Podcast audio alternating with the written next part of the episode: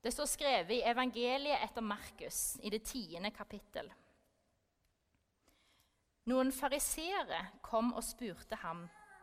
Har en mann lov til å skille seg fra sin kone? De ville sette ham på prøve.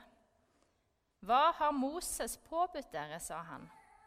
De svarte, Moses har tillatt mannen å skrive skilsmissebrev og sende henne fra seg. Da sa han til dem, fordi dere har så harde hjerter, har Moses gitt dere dette budet. Men fra begynnelsen av, ved skapelsen, skapte Gud dem som mann og kvinne. Derfor skal mannen forlate sin far og sin mor og holde fast ved sin kvinne. Og de to skal være én kropp. Så er de ikke lenger to, de er én kropp. Og det som Gud har sammenføyd, skal mennesker ikke skille. Slik lyder det hellige evangelium. Dagens tekster handler om ekteskap og kjærlighet. Om bryllup og om fest. Ting en gleder seg over og ser fram mot med forventning. Men allikevel så snakkes det av og til om at tekstene i dag de er utfordrende. En dag da det er et vanskelig arbeid som står foran en når en skal skrive preken. Og hvorfor det egentlig? Jeg tror det er fordi kjærlighet det er både fantastisk og frustrerende. Og fordi relasjoner mellom mennesker de er både vakre og vanskelige. Og fordi vi befinner oss på et område som går tett på oss, som berører noe som er personlig. I teksten som jeg har lest, der befinner vi oss i Judea. Jesus har vandra fra Pernaum, og folk de har samla seg rundt ham. Og Så kommer det noen fariseere til han for å stille han spørsmål. De spør om en mann har lov å skille seg fra kona si. De vil sette ham på prøve på denne måten. Og På denne tida her så var spørsmål knytta til samliv noe det var mye diskusjoner rundt. Og noe som vekka sterke følelser, sånn som det gjerne gjør i dag òg. Og Jesus svarer dem med et spørsmål. Han spør dem hva er det som står i Skriften. Og Så sier de dette her om at Moses har sagt at en mann kan skrive skilsmissebrev og sende fra seg kona si. Og Da refererer de til noe som står i 5. Mosebok, der det står at hvis en mann finner noe han ikke liker hos kona si, så kan han skrive skilsmissebrev og sende av gårde. Og Denne regelen den gjaldt bare menn.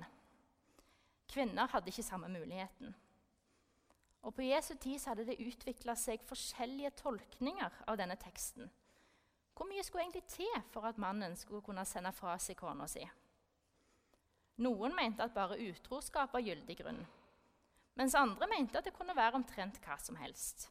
Som at han var lei av henne, at hun ikke adløyde han, eller at hun ikke kunne få barn. Så lenge det ble gjort på juridisk rett måte, så var det greit. Og innen romersk kultur, som var den kulturen i disse nærområdene, så var òg skilsmisse vanlig praksis. Men her òg hadde de ulike regler for menn og kvinner. Menn kunne lett skille seg, mens kvinner var avhengig av støtte fra faren sin eller fra en verge. Og Så lurer disse fariseerne på hvor står egentlig Jesus i forhold til disse ulike retningene og tolkningene av Moseloven. Og Jesus svarer de og sier, 'Fordi dere har så harde hjerter, ga Moses denne tillatelsen.' Og så fortsetter han med å referere til skapelsesberetningen, til Guds tanke og intensjon for samlivet, og sier, 'Det som Gud har sammenføyd, skal mennesker ikke skille.' Og Denne setningen den har skapt mye diskusjoner òg framover og i kirka. Men dette er egentlig ikke så veldig kontroversielt, tenker jeg. Det at ekteskap er meint å være livsfarlig. For jeg tror at de aller fleste som gifter seg, ønsker at dette skal vare. Man tror på det man lover hverandre, og man henger sitt håp på at den andre skal holde løftet som blir gitt. Og virkningshistorien til denne teksten, sånn den har blitt brukt, den har hatt både lyse og mørke sider. Når man i de første kristne menigheter ikke godtok skilsmisse, så var dette en styrking av rettsvernet til kvinner. Der ei dame tidligere kunne bli sendt hjemmefra egentlig uten å vite når det kunne skje, og hva det handla om, og av, for hvilken som helst grunn. Og da ofte ble overlatt uten rettigheter og uten mulighet til å forsørge seg sjøl. Så hadde hun nå en forsikring om å bli tatt vare på. Og så er det òg en tekst som har gitt motivasjon til å prioritere hverandre som ektefeller. Til å jobbe for å fortsette å elske og ære hverandre gjennom livet og de utfordringene en støter på. Og så har denne virkningshistorien òg noen mørke sider. Og Noen av disse er hvordan denne har blitt brukt til stigmatisering og utøving av makt. Hvordan den har blitt brukt til å holde noen fast i et ekteskap der de har blitt undertrykt. Eller å stenge noen ute fra fellesskapet når livet ikke ble helt sånn som en hadde sett for seg. Og jeg tror som sagt at Når en gifter seg, så ønsker en at dette skal vare. Og så vet vi at for alle gjør det ikke det. Og For noen så er det eneste rette å gå ifra et ekteskap som er skadelig. Og For andre så går en fra et samliv som kunne ha vært reparert. Og For mange er det nok et sted midt imellom. Og bare de det gjelder, vet sannheten. Så tilbake til denne teksten og til Jesu ord om ekteskap. Og til denne diskusjonen med fariseerne.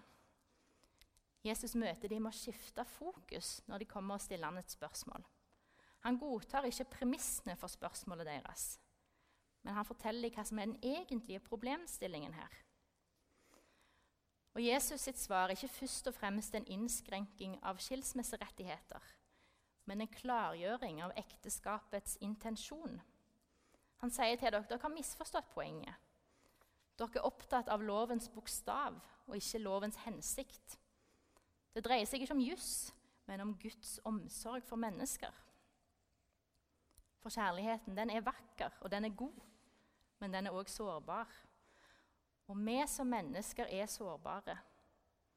Og denne sårbarheten er noe av det fineste med oss. For det gjør at vi trenger hverandre. Det gir oss vilje til å strekke oss mot hverandre. Den gir oss evne til å elske, til å danne fellesskap og til å bli glade i hverandre. Men sårbarheten gjør òg kjærligheten skremmende. Den gjør at vi kan bli såra. Og Derfor sier Jesus at kjærligheten trenger rammer, sånn at vi skal føle oss frie. Sånn at vi skal våge å være oss sjøl fullt og helt med den vi lever sammen med. Sånn at kjærligheten skal tåle motgang, sykdom, dårlige dager. Og Før gudstjenesten begynte, så var det et bilde på skjermen av en regnbue. Og Regnbuen den brukes som tegn på håp. Og håpet er broen inn til framtiden som vi ønsker oss.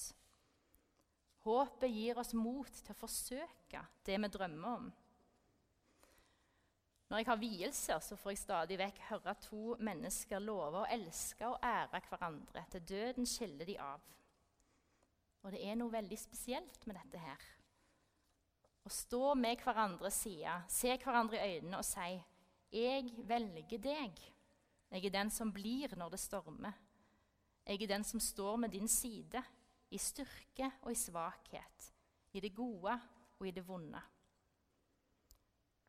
Og Det å forplikte seg og love hverandre dette, det er noe som mange nøler med i dag, har jeg inntrykk av. Og Det er sikkert mange grunner til det, mange grunner som jeg ikke kjenner. Men kanskje er det det at en har vanskelig for å tro at det går an.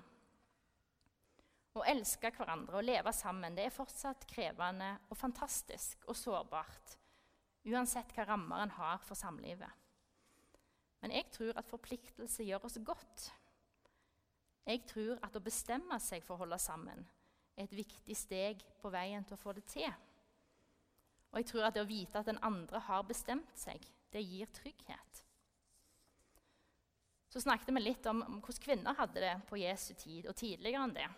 Og jeg kjenner jo at jeg blir litt provosert når jeg hører om dette her. Og heldigvis så har vi kommet lenger i dag. Og heldigvis så er likeverd noe som holder høyt i dag. Men av og til så lurer jeg på om vi er så likestilte som vi tror vi er. Og av og til så hører jeg om om damer på min egen alder kanskje, som går og venter på at den de lever sammen med, skal fri til dem. Og de må vente lenge, for det er han som bestemmer når det skal skje. Og Da lurer jeg på ikke dette her igjen å la mennene få bestemme over noen av de viktigste avgjørelsene i våre liv. Det var bare en tanke fra meg.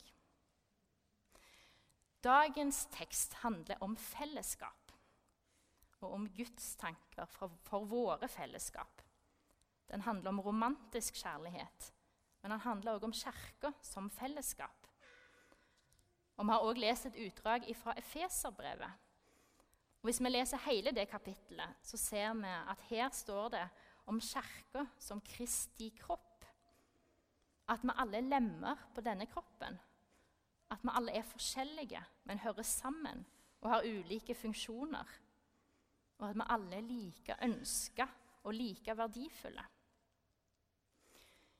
Jeg har tvillinger som er 11 måneder gamle. Eller de blir det i morgen.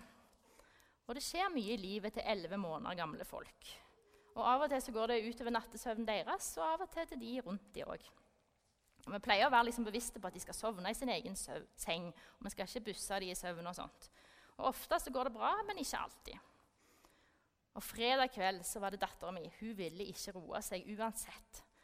Og Vi fant ut vi måtte ta henne opp, og vi prøvde alt med synging og bæring og flasker med melk og det vi kunne finne på. Men hver gang vi nærma oss senga, så hylte hun helt intenst. Og når klokka nærma seg midnatt, så fant jeg ut jeg skulle prøve å legge meg på gulvet på sida av sprinkelsenga hennes. Og så hadde jeg litt lys på, sånn at hun kunne se, seg, se meg. Og når jeg la ned, og så la jeg meg sjøl ned på gulvet, og så hører jeg at det begynner å roe seg litt. Og så ser jeg da at hun strekker hånda si ut gjennom sprinklene og mot meg. Og Så tar jeg hånda mi og så legger, holder rundt den ene sprinkelen bare rett på innsida, sånn at hun kan holde meg i hånda hvis hun vil. Og så sovner hun. For fra vi er født, så strekker vi oss mot hverandre som mennesker. Vi trenger fellesskap.